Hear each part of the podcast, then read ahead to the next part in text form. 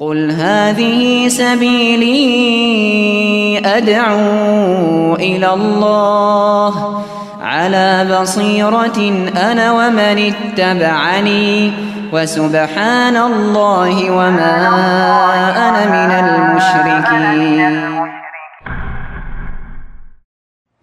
بسم الله الرحمن الرحيم السلام عليكم ورحمة الله وبركاته الحمد لله رب العالمين Wassalatu wassalamu ala asyrafil anbiya wal mursalin nabiyina Muhammad wa ala alihi wa man tabi'ahum bi ihsanin ila yaumiddin. Allahumma inna nas'aluka ilman nafi'a wa rizqan thayyiba wa amalan mutaqabbala. Baik, uh, ikhwani fiddin rahimani wa rahimakumullah. Saat ini kita melihat pembahasan sifat sholat Nabi Shallallahu Alaihi Wasallam. Sekarang kita mulai dari bab pertama persiapan sholat. Sebelumnya kenapa kita perlu membahas sifat sholat Nabi Shallallahu Alaihi Wasallam? Ada beberapa alasan kenapa kita mesti mencontoh sholat Nabi Shallallahu Alaihi Wasallam, tidak membuat sholat-sholat model baru ada empat alasan. Kenapa kita mesti mencontoh Nabi Sallallahu Alaihi Wasallam dalam sholat? Itu bukunya boleh dicoret-coret nggak masalah nanti dibawa pulang. Bukunya boleh dibawa pulang. Ada empat alasan. Yang pertama, menunjukkan lebih kuatnya iman. Jadi orang yang mencontoh sholat Nabi SAW menunjukkan imannya lebih kuat.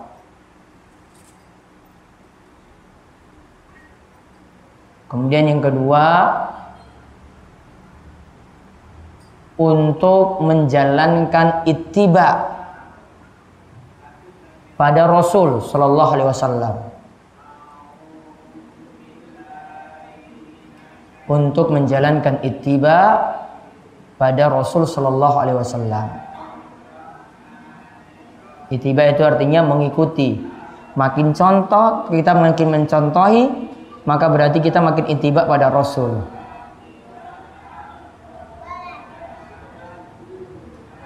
Yang ketiga, ibadah jadi lebih sempurna dengan mengikuti Nabi Shallallahu Alaihi Wasallam ibadah jadi lebih sempurna dengan mengikuti Nabi Shallallahu Alaihi Wasallam.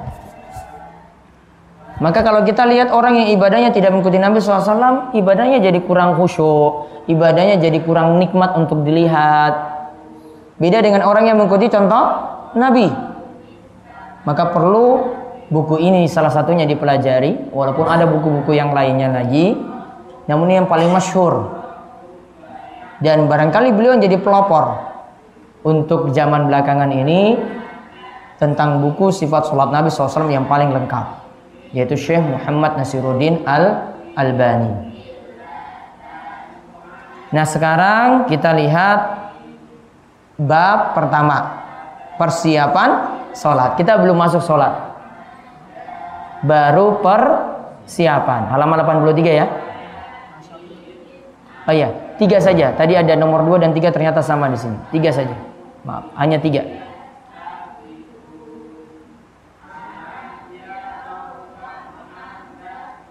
Jadi kalau kita mencontoh Nabi itu lebih kuat iman,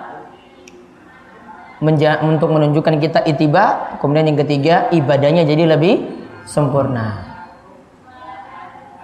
Nah sekarang persiapan sholat. Persiapan sholat di sini Syekh Al Albani mengatakan mulai dari menghadap Ka'bah. Ya, mulai dari menghadap Ka'bah. Coba dibaca nomor satu, baca kalimat demi kalimat. Persiapan sholat menghadap Ka'bah. Rasulullah bila berdiri sholat sunnah, beliau menghadap Ka'bah. Beliau memerintahkan berbuat demikian sebagaimana sabdanya kepada orang yang sholat dan sholat. Bila engkau berdiri untuk sholat, sempurnakanlah wudhumu. Kemudian menghadap ke kiblat lalu bertakbirlah. Baik, lihat Rasulullah SAW untuk sholat fardu, untuk sholat sunnah, beliau itu menghadap Ka'bah. Ya, beliau itu menghadap Ka'bah. Beliau memerintahkan berbuat demikian sebagaimana disebutkan kepada orang yang musik tuhu. Ada dalam hadis yang disebut dengan hadis musik tuhu. Orang yang sholatnya salah. Ini hadisnya panjang karena Nabi SAW itu uh, menyuruh berulang kali orang ini itu ulangi sholatnya. Dikarenakan di antaranya disebutkan dalam hadis ini. Nabi katakan, Idza kumtum ila sholat, idza kumta ila sholat fa asbigil wudu asum mastaqbilal kiblata fakabbir. Jika engkau ingin mendirikan sholat, maka sempurnakanlah wudumu, kemudian menghadap ke kiblat. Lalu bertakbirlah. Karena di sini ada perintah menghadap ke kiblat, berlaku untuk sholat wajib, berlaku juga untuk sholat sunnah. Terus lanjutnya. Tersebut pula dalam hadis berikut Ketika Rasulullah SAW berpergian, beliau biasa melakukan sholat sunnah di atas hewan tunggangannya. Beliau juga melakukan witir di atas kendaraannya dan menghadap ke arah hewan tersebut, menghadap menghadap ke arah hewan tersebut menghadap ke timur atau ke barat. Lihat, Rasulullah SAW bepergian. Beliau biasa melakukan sholat sunnah di atas hewan tunggangan. Beliau juga melakukan witir di atas kendaraannya dan menghadap ke arah hewan tersebut menghadap. Terserah ketika itu ke timur, terserah ketika itu ke barat. Diberi catatan di situ, ini menunjukkan sholat sunnah boleh dilakukan di atas kendaraan. Satu. Sholat sunnah boleh dilakukan di atas kendaraan.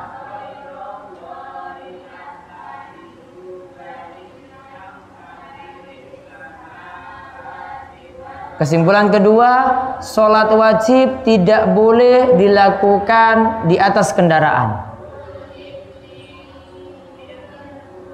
Sholat wajib tidak boleh dilakukan di atas kendaraan.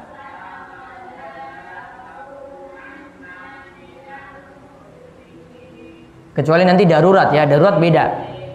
Misalnya kalau waktu sholat subuh sudah mepet, kita di pesawat, nggak mungkin turun kita di kereta, nggak mungkin juga mampir. Kereta jalan terus.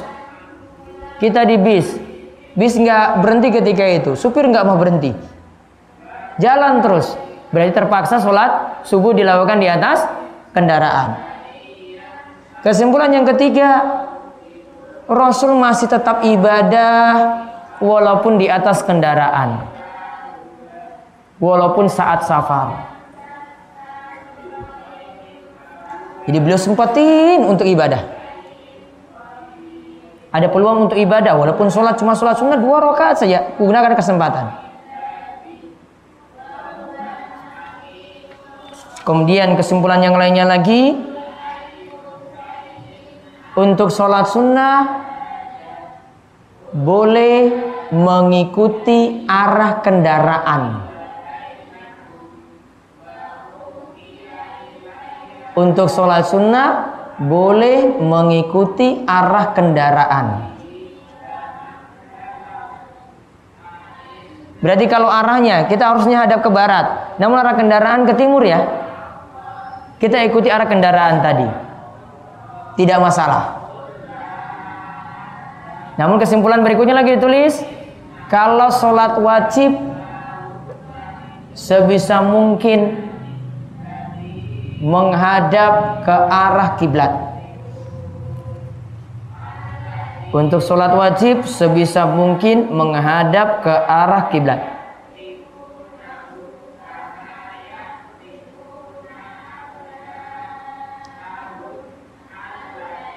Namun ingat ya, kalau sulit ya tidak, jadi gugur nanti.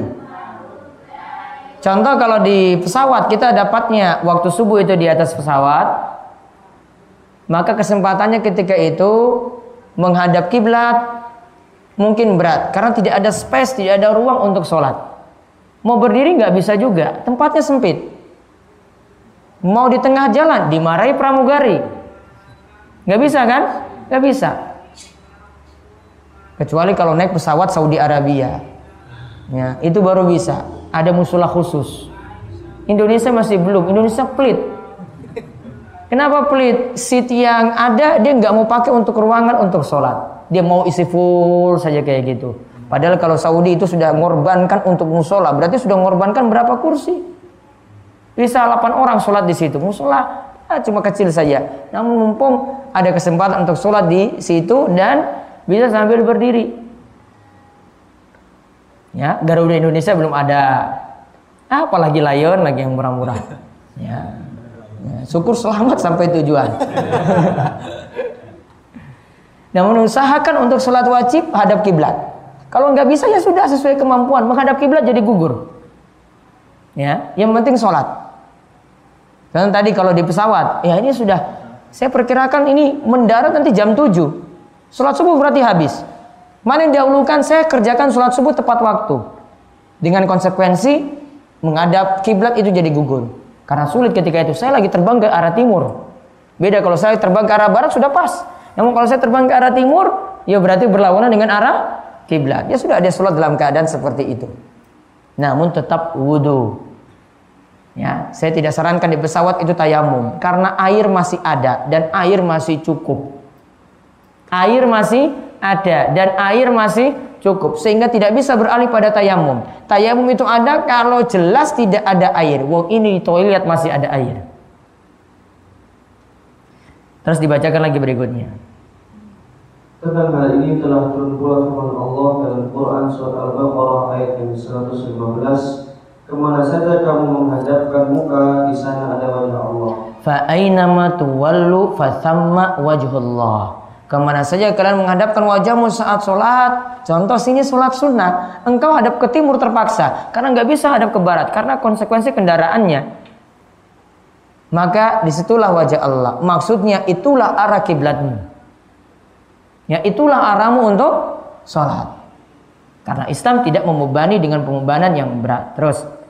Tersebut pula dalam hadis berikut Rasulullah Shallallahu Alaihi Wasallam terkadang melakukan sholat sunnah di atas hewan tunggangannya dengan menghadapkannya lebih jauh ke arah kiblat. Lalu beliau bertakbir, kemudian sholat dengan menghadap ke arah hewan tunggangannya menghadap. Awalnya kalau dilihat dalam hadis ini, Nabi SAW usahakan kendaraannya arah kiblat dulu. Ya, karena kendaraannya gampang. Unta bisa disuruh arah kiblat dulu, nanti baru dia mau muter-muter aja. Namun kalau kereta coba, Hah? kereta mungkin Pak, Pak muter dulu ke arah kiblat Pak. Saya mau sholat dulu. Nanti baru jenengan balik. Oh nggak bisa. Bis mungkin, nggak mungkin juga. Pesawat mungkin, pesawat mungkin ya balik nanti ke tempat tujuh ini semula. Jadi ini karena kendaraan yang mudah untuk diarahkan. Naik unta misalnya ya kan. Hadap arah kiblat dulu. Setelah itu Nabi SAW nanti akan ikut arah kendaraan. Namun pokoknya beliau arahkan kendaraan ke arah kiblat dulu. Nanti baru setelah itu kendaraan jalan, baru ikut arah kendaraan. Maka kesimpulannya di sini, beri catatan di hadis tadi, sebisa mungkin walaupun sholat sunnah menghadap kiblat terlebih dahulu. Sebisa mungkin walaupun sholat sunnah menghadap kiblat terlebih dahulu. Terus hadis berikutnya lagi. Tersebut pula dalam hadis berikut. Beliau biasa, biasa rukuk dan sujud di atas hewan tunggangannya dengan berisyarat Dengan menundukkan kepala. Dan ketika sujud lebih menunduk daripada ketika rukuk Nah lihat. Cara kita sholat bagaimana? Dijelaskan sekilas dalam hadis ini. Berarti kita naik ini, ini kendaraan ya. Tet. Ingin ruku sujud tentu nanti posisinya berdiri Dengan berdiri itu berbeda. Harus dibedakan ini kita baca surat Allahu Akbar. Ini ini pura-pura untanya jalan nih. Tek tek tek tek. Ya kan? Allahu Akbar. Baca surat seperti biasa seperti ini. Rukuknya bungkukkan badan sedikit isyarat bungkukkan badan.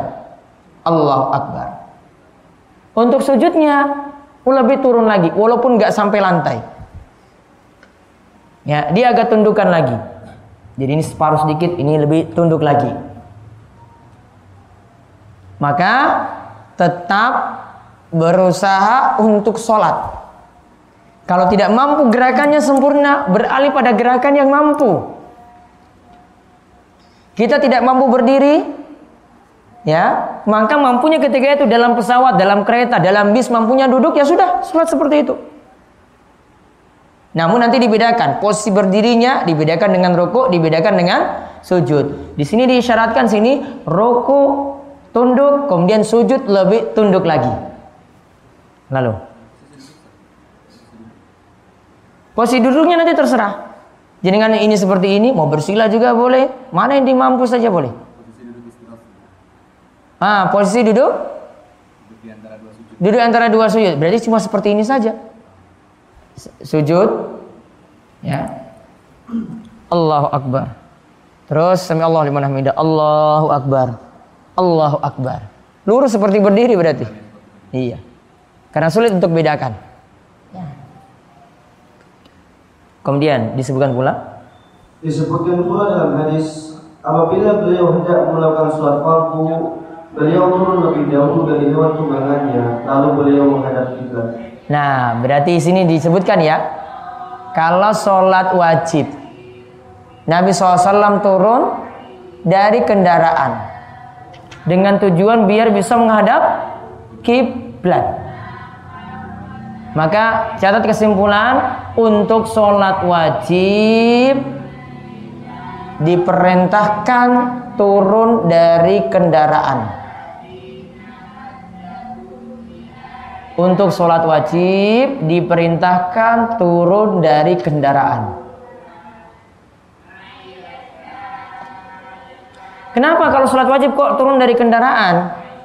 Karena mengingat wajib ini nanti lebih ketat cara mengerjakannya. Sehingga kalau kita suruh berdiri ya berdiri. Kita disuruh ruku ya ruku seperti ruku. Sujud ya sujud. Lebih ketat. Sehingga konsekuensinya harus turun dari kendaraan. Namun ingat kendaraan itu nanti ada macam-macam. Ada kendaraan, ada space atau ruangan yang bisa kita gunakan untuk sholat. Contoh kalau kita sholat di atas kapal. Nggak sempit seperti pesawat kan? Iya, ada musola sendiri kan? Kita bisa berdiri, kita bisa rokok, kita bisa su sujud. Di sini tidak dipersyaratkan kita harus turun dari kendaraan dulu baru sholat. Kenapa? Karena tempatnya ada dan masih bisa melakukan rukun-rukun dengan sempurna. Berarti yang dimaksud dengan kita itu turun dari kendaraan kalau tidak bisa melakukan rukun dengan sempurna. Kalau pesawat tadi yang saya sebutkan pesawat Saudi tadi, rukun-rukun masih bisa dilakukan sempurna kapal tadi ada musola kecil rukun-rukunnya juga masih kita bisa lakukan sempurna masih bisa ada kiblat juga walaupun nanti hadap buritan kapal tapi kan masih bisa nah ini kiblat situ namun ini pas buritan kapal belakangnya kapal masih bisa karena ruangannya luas beda dengan bis ya kan kalau kereta ada nggak ruangan musola ada yang ada ruang makan mungkin masih ada space longgar kan. Nah, kalau bisa di situ ya sudah lakukan rukun-rukun sempurna di situ. Namun kan butuh waktu untuk ke sana. Mau ke sana juga belum tentu diizinkan.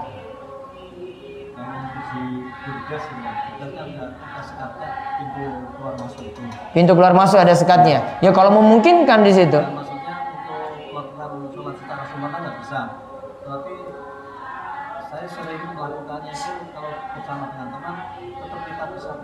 Kalau masih bisa, lakukan di situ lebih afdal. Jadi di sini kenapa sampai sholat fardu disuruh turun dari kendaraan? Karena kalau di, di turun dari kendaraan, rukun-rukun kita bisa lakukan sempurna. Beda dengan kalau kita di atas bis, beda kalau kita di atas hewan tunggangan tadi. Oh, lakukan rukun nggak sempurna nanti di situ. Lalu,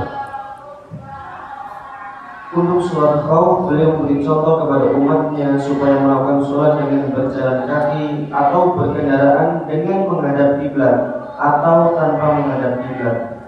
Beliau bersabda, apabila perang telah berkecamuk, cukuplah kalian mengucapkan takbir dan berisyarat dengan menundukkan kepala. Nah, ini berarti sholat khauf. Tahu sholat khauf? Sholat dalam keadaan genting. Bisa perang, lah sambil pegang senjata harus tetap sholat ini ada tata cara sendiri dalam Al-Quran juga ada disebutkan tata caranya namun yang jelas kalau sholat khauf ini keadaan genting contoh kita lagi pegang senjata musuh ada di depan gimana bisa tetap sholat nanti gantian untuk berjamaah satu nanti satu kelompok tugas untuk jaga nah, ini polisi-polisi mesti tahu ini sholat khauf Yang di depan nanti mungkin lakukan sholat atau yang di belakang lakukan sholat, dia nanti jaga, jaga temannya yang sholat. Habis itu gantian lagi. Ya, terus gantian lagi. Ini ada tata, caranya, ada di bab fikih khusus tentang sholat khauf. Tata caranya ada. Namun di sini menunjukkan bisa jadi sholat khauf di sini ini gugur menghadap kiblat. Kenapa? Ya karena nanti sulit nanti saya mau menghadap kiblat pas di depan itu musuh. Resikonya besar. Ada juga keadaan genting misalnya, waktu sholat sudah mepet sekali, ini subuh. Terjadi kebakaran besar. Ya, terjadi kebakaran besar. Tidak bisa tidak. Saya harus sholat subuh tepat waktu. Karena nggak boleh diundur kalau masih bisa. Sudah dia mau selamatkan rumah tadi yang kebakar atau hutan tadi yang kebakar misalnya, maka dia lakukan sambil jalan, sambil gerak, sambil nanti takbir. Allahu Akbar. Nanti ruku lagi gitu sambil jalan. Semuanya serba genting. Menghadap kiblatnya gimana? Oh nggak bisa. Saya lagi keadaan genting. Menghadap kiblat jadi gugur maka kesimpulan penting untuk sholat khauf dicatat menghadap kiblat untuk sholat khauf bisa gugur dikarenakan keadaan genting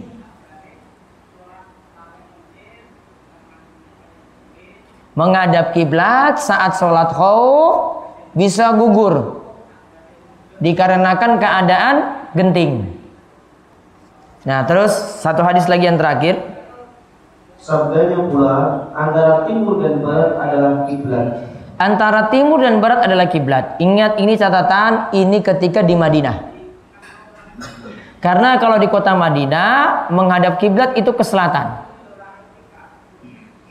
Kalau di kota Madinah menghadap kiblat itu ke selatan. Berarti kalau Nabi SAW itu katakan, Ma bainal masyriqi wal maghribi kiblatun antara timur dan barat itu adalah kiblat.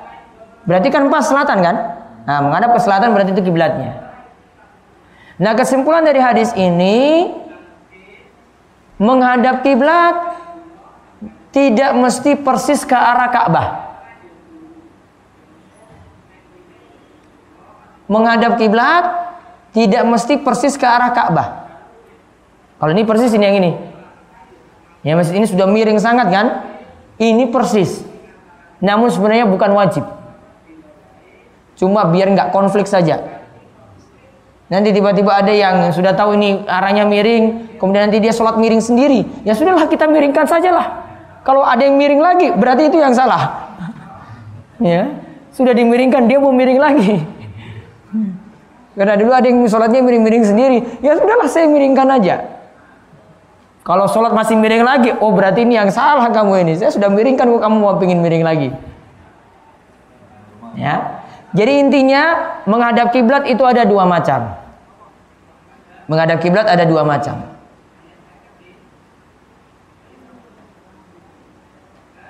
Yang pertama, bagi yang melihat Ka'bah bagi yang melihat Ka'bah. Berarti di mana? Ya di sana di Masjidil Haram. Bagi yang melihat Ka'bah, maka harus menghadap persis ke arah Ka'bah. Maka harus menghadap persis ke arah Ka'bah.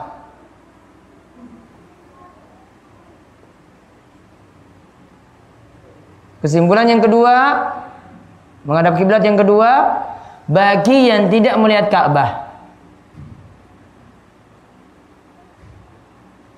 maka cukup menghadap arah. Maka cukup menghadap arah.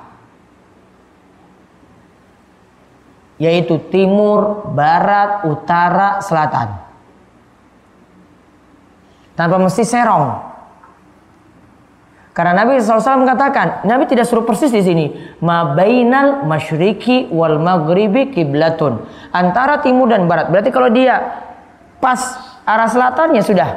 Dia mau geser sedikit, ya sah. Dia mau geser ke kiri lagi, sah. Walaupun tidak persis. Karena terlalu memberatkan kalau suruh persis.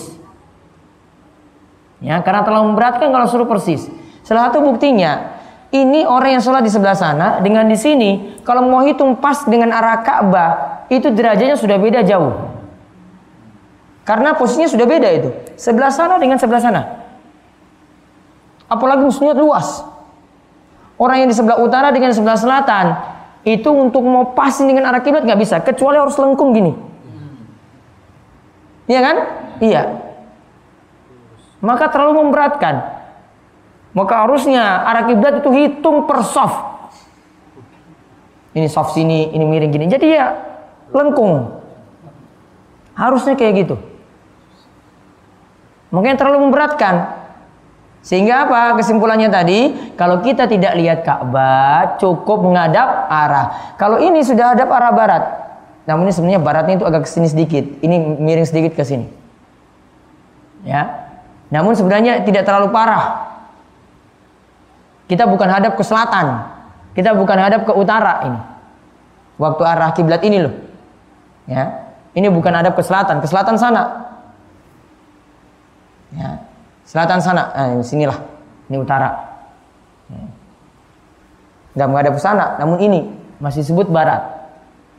Maka tetap masih sah. Namun kalau mau meringkat silahkan. Mau pakai perhitungan juga lihat pas matahari di atas Ka'bah itu ada jam-jam tertentu silahkan.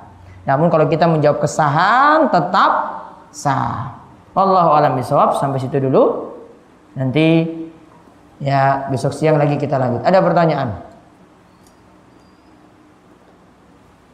Ada pertanyaan? Nggih.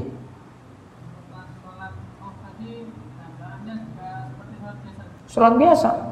Namun kalau dia safar, dia ringkas empat jadi dua rakaat. Dan memang genting sekali dia lakukan. Mau tambah surat ya harus harus surat yang pilih ringkas-ringkas berarti ini keadaan genting nggak bisa pakai surat-surat panjang-panjang nggak bisa mau baca seperti surat tarwih yang panjang-panjang nggak bisa. Ini genting ini. Darurat. Sudah saya baca kulhu saja lah yang penting sah. Ini kokam polisi tentara ini wajib tahu surat khauf ini. Harus belajar khusus. Kapan pegang senjatanya ini posisinya bagaimana itu ada cara sendiri. Hmm. harus ada daurah sholat khauf ya, bagi personil keamanan. Ada lagi pertanyaan lainnya boleh? Salat jamaah kosar belum dibahas. Mau kosor belum? Eh, enggak kalau mau tanya enggak apa Iya, iya. syarat syarat ini syarat untuk bisa menjamak. syarat untuk menjamak kosor yang jelas kalau kosor syaratnya safar. Kalau nggak safar nggak boleh kosor kosor ing- ingat empat rakaat dijadikan dua. Ini cuma boleh dilakukan ketika safar. Lagi mungkin nggak boleh. Bagaimana kalau memang kesehariannya kerjanya itu sering safar, Ustaz? Contohnya kayak luar kota seperti itu. ya sudah pas dia safar dia kosor Jamak itu kapan? Jamak itu kalau sulit mengerjakan sholat di masing-masing waktu. Misalnya zuhur asar, ah saya pergi sini, pergi ke sana, nggak mungkin saya kerjakan sholat asar di waktunya. Mumpung saya lagi istirahat di waktu zuhur, sudah asar dimajukan ke waktu zuhur. Itu namanya jamak. Jadi bisa digabungkan untuk orang yang safar jamak kosor sekaligus. Namun kadang orang cuma bisa jamak saja, tidak kosor. Contoh jamak saja ketika turun hujan deras. Hanya bisa menjamak. Contoh maghrib dan isya dia jamak. Maghrib tiga, isanya tetap empat. Syaratnya kalau hujannya deras, hujannya gerimis nggak boleh. Apalagi nggak hujan. Ada lagi?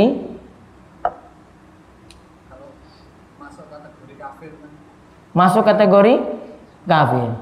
untuk sholatnya ada yang tertunda apa memang umpamanya satu minggu ya ikut Jumat toh Musafir tadi. kalau setelah sholat sholatnya semuanya tidak ikut Jumatan Sholatnya nggak ikut jumatan. Kenapa? itu sudah termasuk kan tadi ada contohnya kafir Meninggalkan sholat kafir. ya meninggalkan sholat itu sekali dua kali atau Yang jelas kalau meninggalkan sholat Jumat kata Nabi SAW mantaro kasarasa jumain tahawunan biha toba Allah ala qalbi. Siapa yang tinggalkan sholat Jumat tiga kali, tidak dipersyaratkan berturut-turut. Pokoknya tiga kali. dia nganggap remeh meninggalkannya tadi.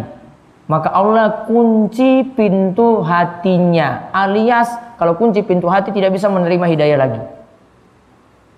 Keadaannya seperti orang kafir. Namun ingat, satu sholat kalau ditinggalkan, amalan bisa terhapus. Nabi SAW bersabda, "Mantaroka sholat al-asri, faqad habito amaluh." Siapa yang tinggalkan sholat asar? Sholat asar cuma satu. Amalannya terhapus. Kata Imam Ibnul Qayyim bisa jadi amalan seluruhnya terhapus, bisa jadi amalan satu hari terhapus. Bisa jadi amalan seumur hidupnya itu tetap hapus, bisa jadi cuma satu hari saja terhapus. Yang jelas terhapus. Jadi meninggalkan sholat bukan perkara sembarangan. Kenapa tadi saya katakan meninggalkan sholat kafir? Ini perkataan sahabat. Tidak ada yang menyinisi. Umar ketika meninggal dunia, dia sempat mengatakan ketika para sahabat itu hadir saat sakratul maut ini, dia katakan fil Islam liman taraka sholat. Tidak ada bagian dari Islam atau dalam perkataan yang lain. Uh, kalau tadi la fil Islam liman taraka sholat. Tidak ada bagian dari Islam bagi orang yang meninggalkan sholat. Ada perkataan beliau yang lain la islama liman taraka sholat. Tidak disebut muslim orang yang meninggalkan sholat. Ketika itu beliau mengatakan di depan sahabat yang lain. Nggak ada yang protes sahabat-sahabat yang dengar perkataan Umar. Menunjukkan kata para ulama ini ijma kesepakatan dari para sahabat. Karena perkataan Umar tadi tidak diprotes. Dan ini sejalan dengan sabda Nabi SAW perjanjian di antara orang muslim dan orang kafir mengenai perkara sholat siapa yang meninggalkan sholat maka dia itu kafir. Tidak sembarangan kalau orang itu meninggalkan sholat jadi kalau jenengan tanya satu sholat jumat saja gimana? Kafir. Hmm. satu sholat jumat saja gimana? Kafir. Kalau menurut perkataan sahabat tadi kafir. Karena sahabat tidak katakan lima sholat tidak katakan meninggalkan sholat satu tahun. Namun cuma mengatakan siapa yang meninggalkan sholat. Berarti satu sholat. Maka kafir. Ya. Jadi jangan anggap remeh masalah ini. Ini masalah iman kafir. Iman kafir. Cuma dua ini saya dua jalan. Gak mungkin tengah-tengah jalannya gak mungkin. Untuk pembahasan sholat. Sehingga dari rukun Islam yang ada yang paling penting dua. Syahadat sholat. Paling penting dua ini. Syahadat sholat. Syahadatnya beres selamat. Sholatnya beres selamat. Namun kalau puasa, para ulama masih bersisi pendapat kafir atau tidak. Namun kalau sholat, tadi perkataan sahabat menyatakan kafir. Dan ada buku saya tapi lagi apa habis cetakannya itu saya uh, menulis buku tentang kenapa enggan sholat Nah, itu saya bahas dalil-dalil yang ada dari Al-Quran, dalil hadis, perkataan sahabat yang menunjukkan meninggalkan sholat kafir. Konsekuensi dari kafirnya tadi yang saya sebutkan, dagingnya jadi haram. Dan itu lebih parah daripada apa tadi? Ahli kitab. Konsekuensinya lagi, dia tidak boleh dikuburkan di pemakaman kaum muslimin. Konsekuensinya lagi, dia tidak boleh dapat waris. Konsekuensinya lagi, kalau suami yang meninggalkan sholat, nikahnya jadi fasah, batal dengan istrinya. Ini konsekuensinya ini banyak rentetannya loh ini.